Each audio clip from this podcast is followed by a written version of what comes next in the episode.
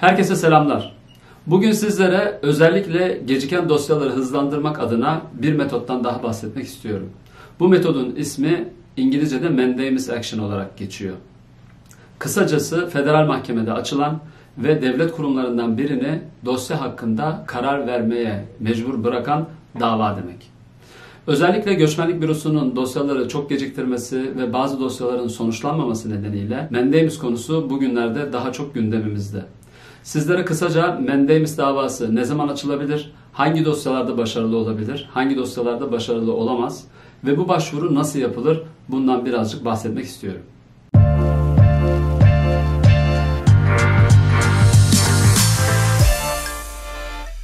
Diyelim ki göçmenlik bürosuna bir dosya gönderdiniz ve bu dosyanın çok uzun bir süre geri dönüşü olmadı. Tabii ki uzun süreden kasıt göçmenlik bürosunun kendi yayınlamış olduğu case processing times dediğimiz dosyalara bakılma süresi içinde olan dosyalardan bahsetmiyoruz. Diyelim ki bir green card başvurusu yaptınız. Bu green card başvurusu göçmenlik bürosunun processing time'larına göre bir sene sürmesi gerekiyor. Ve dosya bir senenin altında veya bir buçuk sene oldu. Bu aşağı yukarı zamanlı bir şekilde gidiyor diye düşünülebilir. Ama bir dosya düşünün ki uzun yıllardır geri dönüş olmadı. 3 yıl geçti, 4 yıl geçti, hala bir cevap yok. Veya bir iltica başvurusu düşünebilirsiniz. Dosyayı fail ettiniz, dosyayı gönderdiniz. 3 yıl geçti, 4 yıl geçti, hala mülakat yok. Mesela bu durumlarda mendemis davası düşünülebilir. Hangi dosyalar için mendemis yapılabileceği, hangi dosyalar için yapılamayacağını videonun ilerleyen dakikalarında biraz daha anlatacağım. Şimdi isterseniz mendemis davası tam olarak nedir onu biraz anlatayım. Mendemis davası Amerika'da federal mahkemeye açılan ve çoğunlukla göçmenlik bürosunun veya konsolosluğun harekete geçmesini istediğiniz davanın çeşididir.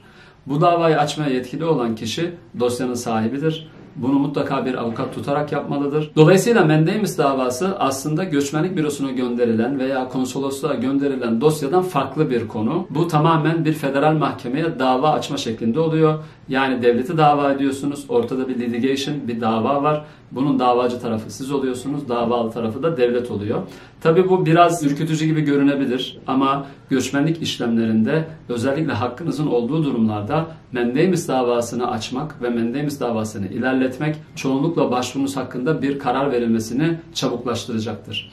Peki bu nasıl oluyor? Çoğunlukla davalar mahkeme önüne gitmiyor. Siz davayı açtığınız zaman bundan devletin avukatlarının haberi oluyor ve devletin avukatları sizin açtığınız davayı inceliyor.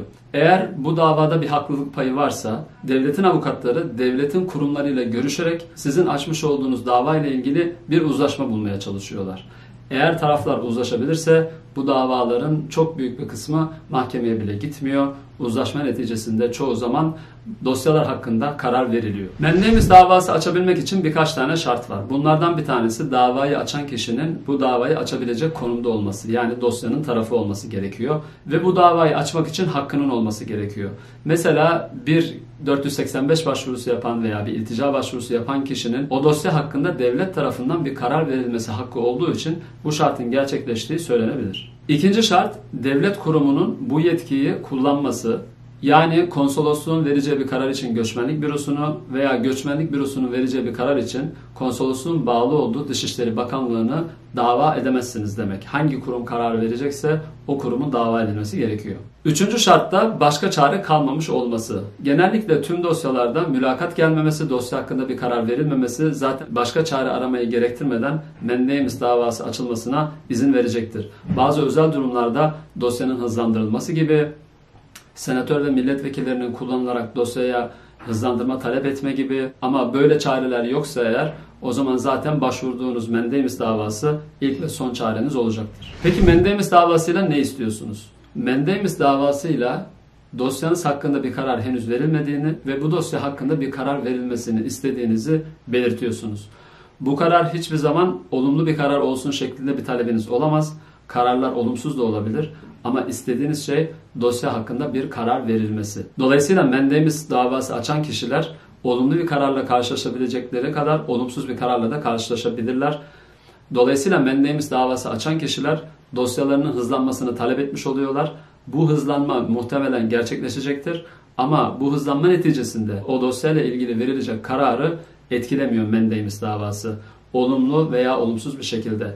Kararın neticesine etkisi yok. Sadece o kararın hızlı bir şekilde verilmesini sağlıyor diye düşünebiliriz. Şimdi sizlere Mendemis davasının başarılı olduğu birkaç örnek vermek istiyorum. Daha sonra Mendemis davasının başarısız olduğu birkaç örnek ver- vermek istiyorum. Ayrıca Mendemis davasının hangi dosyalarda kullanılamayacağı hakkında biraz bilgi vermek istiyorum.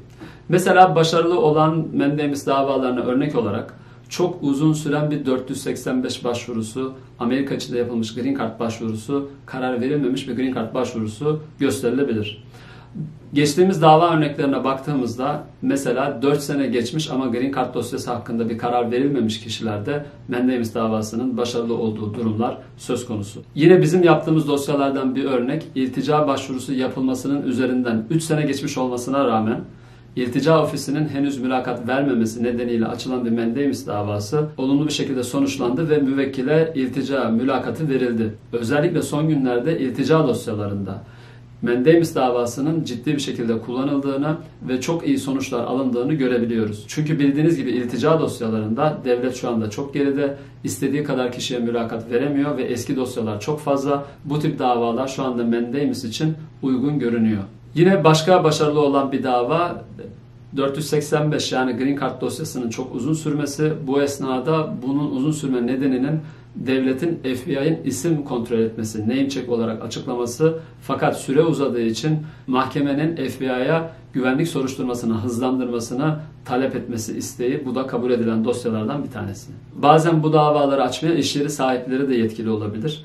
Mesela iş yeri üzerinden yapılan bir Green Card sponsorluğu düşünelim. Eğer bu dosyada 140 başvurusuyla yani iş yerinin yapmış olduğu dosyayla ilgili bir karar verilmiyorsa o zaman iş yeri sahibi de bununla ilgili karar verilmesi için devleti mandamus action kullanarak dava edebilir. Bununla ilgili alınan olumlu sonuçlar da var. Mandamus başvurusunun başarılı olmadığı birkaç örnek vermek istiyorum.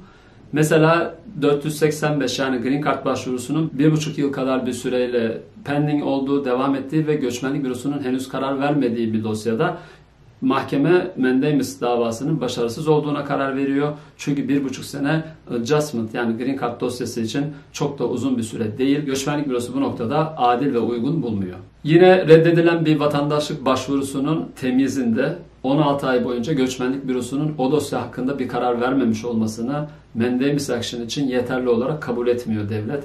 Yani eğer bir başvurunuz reddedildiyse bunun üzerinde devlet uzun süren bir araştırma yapıyorsa ve size henüz geri dönmediyse bu da aşağı yukarı bir, bir buçuk sene olduysa bu makul bir süredir. Bununla ilgili herhangi bir mendeimiz davası açamazsınız diyor devlet.